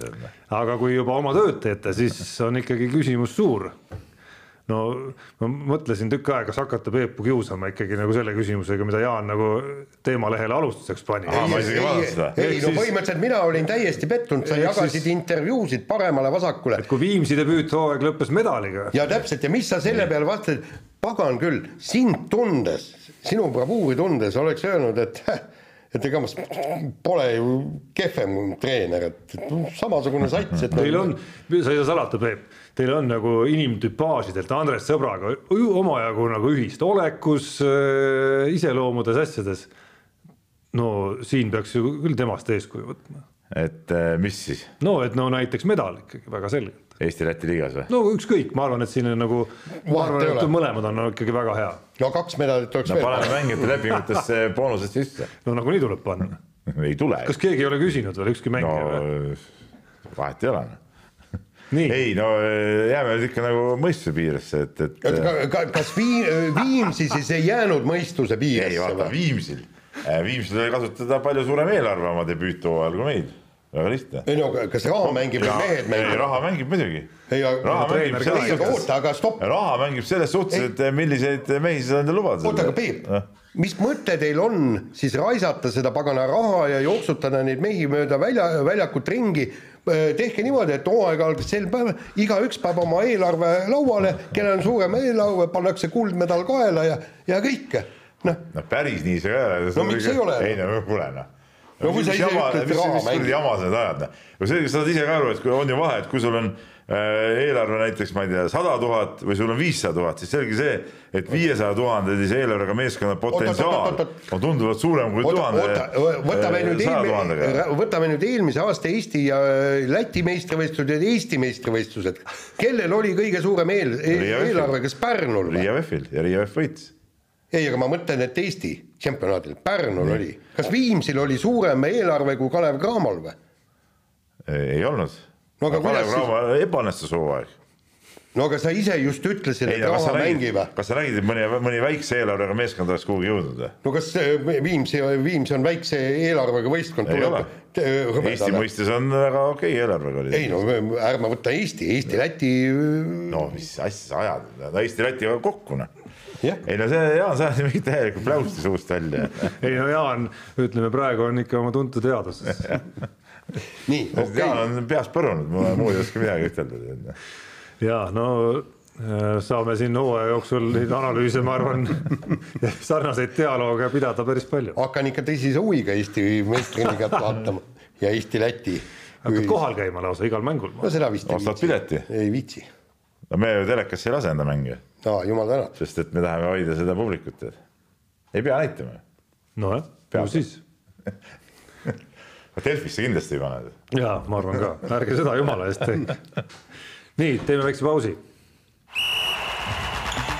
Unibetis saab tasuta vaadata aastas enam kui viiekümne tuhande mängu otseülekannet. seda isegi mobiilis ja tahvelarvutis. Unibet, mängijatelt mängijatele nii, no kõlli ajal muidugi Peep, Peebule ei andnud see teema ise rahul, no ma ei saa aru, kuidas saab nii orki lennata.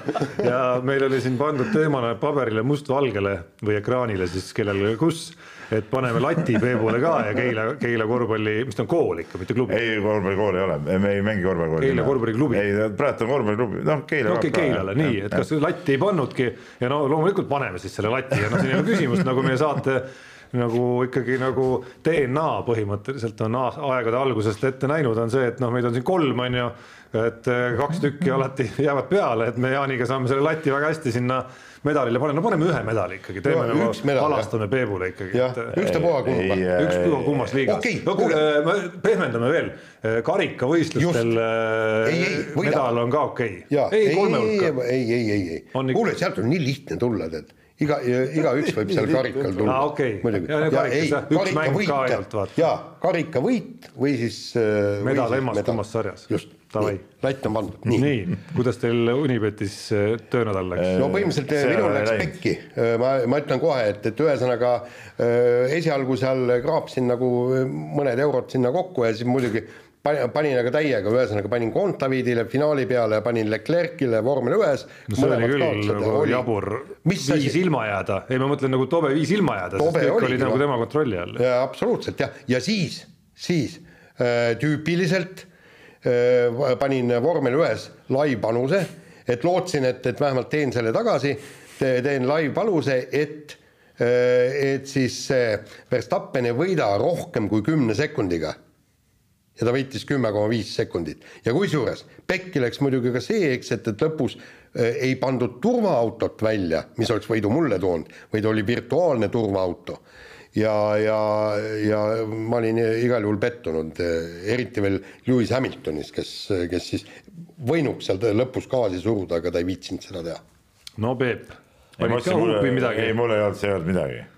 ma olin puhkusel, vaata Äh, minul äh, üks panus on ette näidata, mis kaotas, aga see oli selline mulle väga omane äh, kuidas öelda, meelerahu panus, et ma panin panuse sellesama U kakskümmend mängu poolajal kui Eesti üheksaga juhtis Soome vastu, et, et kindlustada mingigi rõõm, kui nad selle maha mängivad, õnneks nad ei mänginud ja, ja said kolmanda koha. see oli mingi paari eurone panus koefitsiendiga kümme umbes, nii et.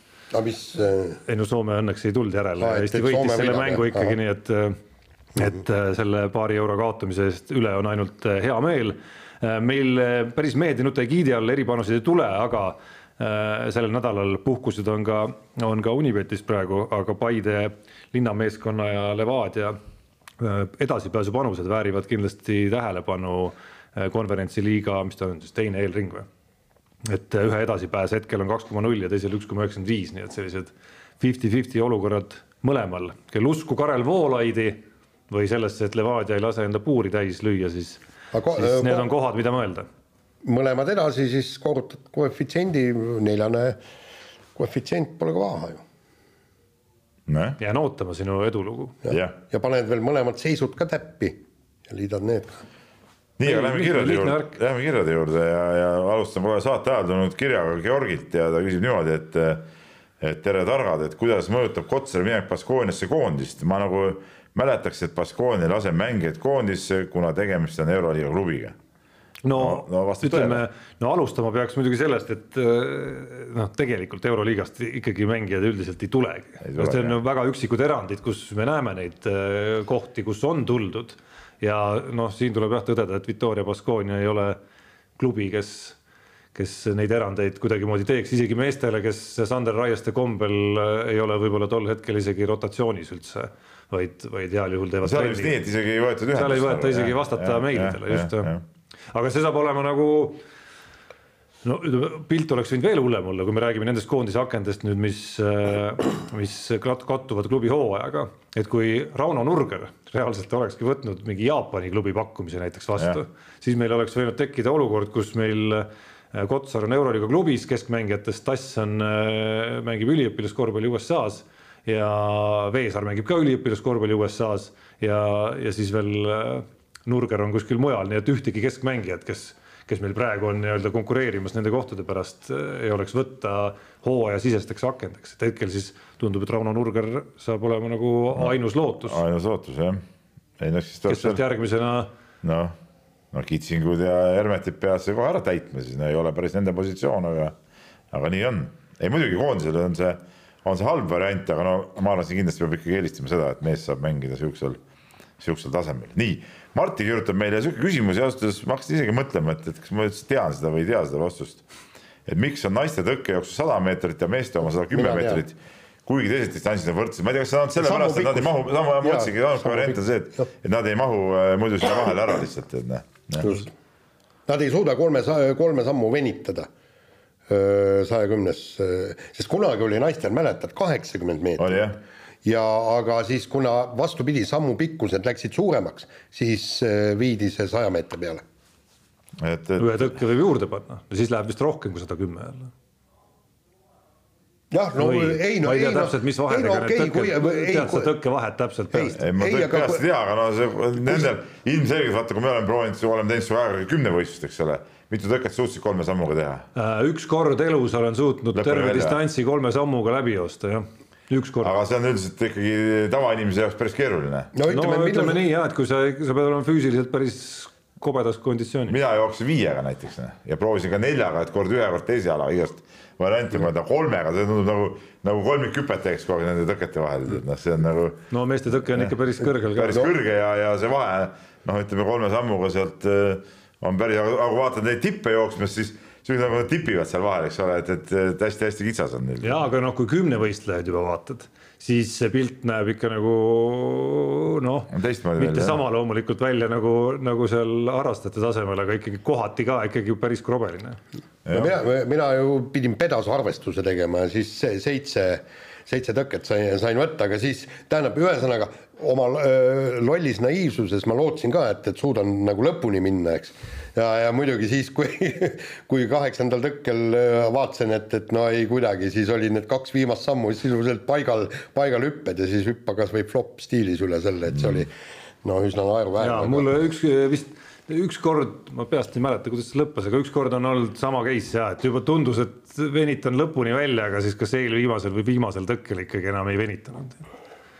Nii, aga Rain küsib, et mis on juhtunud Riia olümpia neljanda mehe Martin Kupperiga, et kas ta veel võistleb ka kusagil ja, ja, ja tegelikult kui nüüd ausalt vastata, siis äh, mina arvan, et ta ei võistle enam kusagil või selles suhtes ta oli Eesti meistrivõistluste alguses klubi poolt üles antud pärast võeti ta maha, ega temaga keegi mingit kontakti pole, pole saanud ja, ja ilmselt tundub, et ta on nagu on tippspordiga lõpetanud. kusjuures kummaline on just see, et, et ka kergejõustiku juhid ja mitte keegi ei saa seda, teda nagu kätte ja noh, teda, teda on niigi raske kätte saada, aga, aga noh, kui ma, eh, seda ma mäletan, et, et kui tegin nii-öelda sõjaväesportlastest lugu, mis oli väga vahva lugu, eks, ja ja siis helistan talle, tema on ju ka see, pidid minema siis sinna nii-öelda Äh, sõjaväeõppustele ja kõik ja, ja ei saa kätte, kolm päeva helistan hommikust õhtuni kõik midagi. ja aga siis ma teadsin, mis kell nad sinna jõuavad, läksin väravasse, vend, oo, no jah, tere, näed seal kõik kiiver, kiiver seljakotis ja, ja püss äh, kaenlas ja ja siis ei, väga rõõmsalt ja väga mõnuga rääkis kõik, kõik sellest, ma ütlesin, et näed, kolm päeva helistasin telefoniga, et ei tea, ja ei, mul oli telefon kotis ja, ja ma, ma ei pannud tähele. ei ole väga, väga jutukas. nii no,, aga siis on ju väga lihtne tööülesanne Jaanile. ei, aga nüüd, nüüd ma ei tea. nüüd mille... sa ei saa enam sinna kohta minna, aga noh, kuskil ta ikka liigub. No promo kaudu saadki ühendust. ei no aga vaata, siis ta pidi nagu äh, rääkima, kuna ta oli sõjaväelane ja siis ja mul oli. käsk oli antud, noh. ja ei, stopp, mul oligi ju niimoodi, et ega nende vendadega ei olekski niisama saanud rääkida, ma pidin kõik, see oli vist Tiidemann juba öö, veel siis, et tema, temalt sain loa panin kõik nimed kirja, kellega ma rääkida tahan ja kõik nii käis. nii, aga äh, eelmine saade äh, Teadlane Priidik saatis meile küsimuse selle kohta, et äh, mis oleks nagu see sportlase käitumine, et teda võiks nagu tühistada. Ja me siin otsisime ka vastuseid ja ta ise vastab, et et talle isiklikult oleks täiesti vastuvõetamatu, kui sportlases mõnitaks riigi sümboolikat, mis on ka väga, väga selge, selge asi tõesti, mille pärast võiks sportlast nagu äh, vähemalt mingiks ajaks äh, nii-öelda pausile panna. Ja Liisa ka sellel samal teemal kirjutab, et, ähm, et pani see kaasa mõtlema, see teema ja, ja tema toob välja siis äh, selle, et kui äh, tuleks mõned sportlased tugevalt venemeelne avaldus ja Ukraina sõja õigustamine või selle teema udutamine, et see pole kriminaalne, aga, aga kindlasti tühistamist väärt oleks igal juhul, ta toob siin näiteks laskesuusataja Simon Forcadi ja, ja, ja noh, no ka õige. ja ei, seda, seda küll ja veel see prantslane, olgu prantslane mis, aga, aga ütleme eriti veel siin Eestis, kui niimoodi oleks. aga kusjuures see eh, nii-öelda riigi sümboolika mõnitamine, lugesin ka seda kirja, et, et see on jube lai mõiste, eks ju. ja, ja on ju juhtunud, mäletate, eh, kuuskümmend kaheksa, mis see oli, saja meetri eh, jooksu autasustamisel oli, panid musta. ei musta, see oli minu arust neljasaja. või neljasaja. kui ma ei eksi, minu arust on neljasaja. ja mustad ja. sokid kätte ja okei okay,, sokk sokiks aga nad langetasid pea ja nad ei vaadanud Ameerika lippu ja, ja sellest piisas, et nad äh, löödi koondisest ja olümpiamängudelt minema no eks kuskil on kindlasti veel igasugu ebasündsusi, mida, mis tingimata kriminaalkaristust ei tähesta, kui veel meenutada, mis case seal veel olla võib, nagu sellele eelmise nädala küsimusele vastuseks on ju. aga ja ei, seda ka muidugi jah.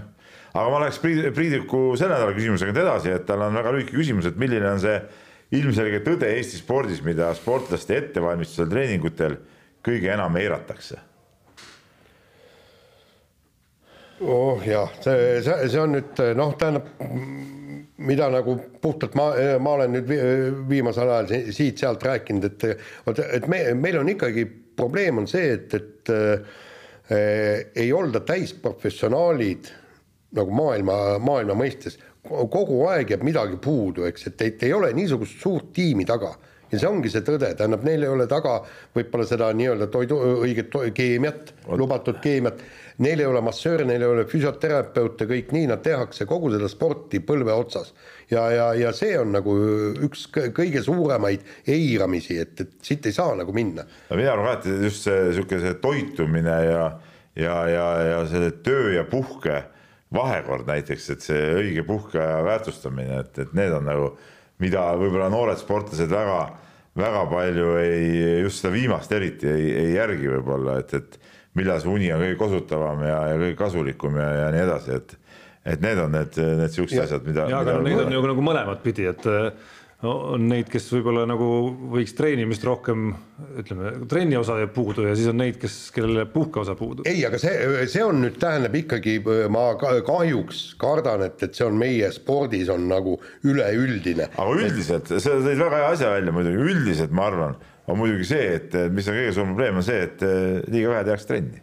aga muide, siin mul tuli selle kümne võistluse puhul, tuli see mõte, võib-olla oligi selle küsimuse peale kuidas meie kümnevõistlejastel, kas neil on nii nagu omal ajal Kanteril oli oma treener, oma füsioterapeut kogu aeg kaasas, arstidega, kõikidega. sa tead väga hästi, et, et need asjad nii ei ole, kuigi Just. näiteks ma tean, et et Risto Jamnes, kergejõustikuste füsioterapeut, käis mingi aeg hooaja ka Uibo, Uiboga koos minu arust laagerdamas ja, ja noh, et, et mingid perioodid on seal olemas, aga kogu aeg et kuskil koos tehtaks sellist asja ilmselgelt ei ole. jah, aga, aga, aga näiteks no, naistennisistidel see on ju täiesti selge, neil on, neil on ka personaaltreenerid, eks, et Tarmo Tiits ja, ja, ja siis äh, Kanepil on jah, Tustist ja hakkasin mõtlema, aga miks ei võiks meil olla see nii-öelda kümne võistluse koondis, kus kamba peal olekski kogu aeg üks no kui iga mees on maailma eri otsas, siis nagu on keeruline seda korraldada. kuigi minu arust ka võiks olla koondis on koondis, teevad koos trenni ja, ja ei ole midagi, et üks on Ameerikas ja teine on Aasias ja kolmas on, ma ei tea, kuu peal tead. kord peab olema majas arvad jah? ei no aga, aga miks mitte, nad võiksid tõesti nagu mingisuguse aja trenni teha siis tõesti USA-s. ei no mingite siis... laagrite näol võib, võib sellel võib-olla olla mõeldav. ei, ongi nagu laagrite nagu, ei, aga, aga jutt ongi no,. laager kestabki kuu või poolteist. no kui su elukoht ongi ikkagi teisel pool ookeani, no mis siis teed no.? pere on seal, abikaasa seal no,. kahju jah, jama noh, mis sa siis teed? ei, aga, ei, aga oota. Noh. kuule, aga mida teeb Ameerika pallimängija, kui tal on pere seal, kõik seal aga pagan, näed, peab mängima AK-s ka. jaa, aga noh, seal teeb? ei ole teist variantigi, noh kui sul no,, kui sul, kui sul ei ole nagu kodumaal sellel tasemel klubi, kes sellel tasemel no, aga kergejõustik, kergejõustikus on, on ikkagi võimalik seda teha. aga neid tingimusi ei ole niisuguseid ju noh. no on ikka igas maailma punktis no.. no aga millegipärast noh, ei ole siis jälle no, võimalust. siis on küsimus selles, et ta ei ole suutnud leida enda jaoks võib-olla kõige sobivamat. no ei ole seda vahendeid nii palju, vot aga sellega tõmbaks aastat kokku nüüd. jah, kuulge, kakskümmend minutit on üle tavaaja läinud, ma ei tea. mis tavaajast sa räägid, Jaanikene? mäletad, kunagi meil oli, kui me olime telekas. kunagi meil oli ka liivakell siin platsi peal, tead mis juhtunud on? ei midagi ei ole juhtunud. koju minna, ma räägin sulle. ei, ma mõtlen, kunagi oli ju see Mak-, Maki lindile ju mak-, mahtus tund aega salvestust ainult kolmkümmend minutit ühele poole, kolmkümmend minutit teisele poole eks, ja mis nüüd teevad, kes tahavad Maki lindele võtta meil, kuuled? hästi hea. on ju? ei noh, jah, ei, väga mõistlik. nii, aga sellega on saade läbi. mehed ei nuta. saate tõi sinuni Unibet, mängijatelt mängijatele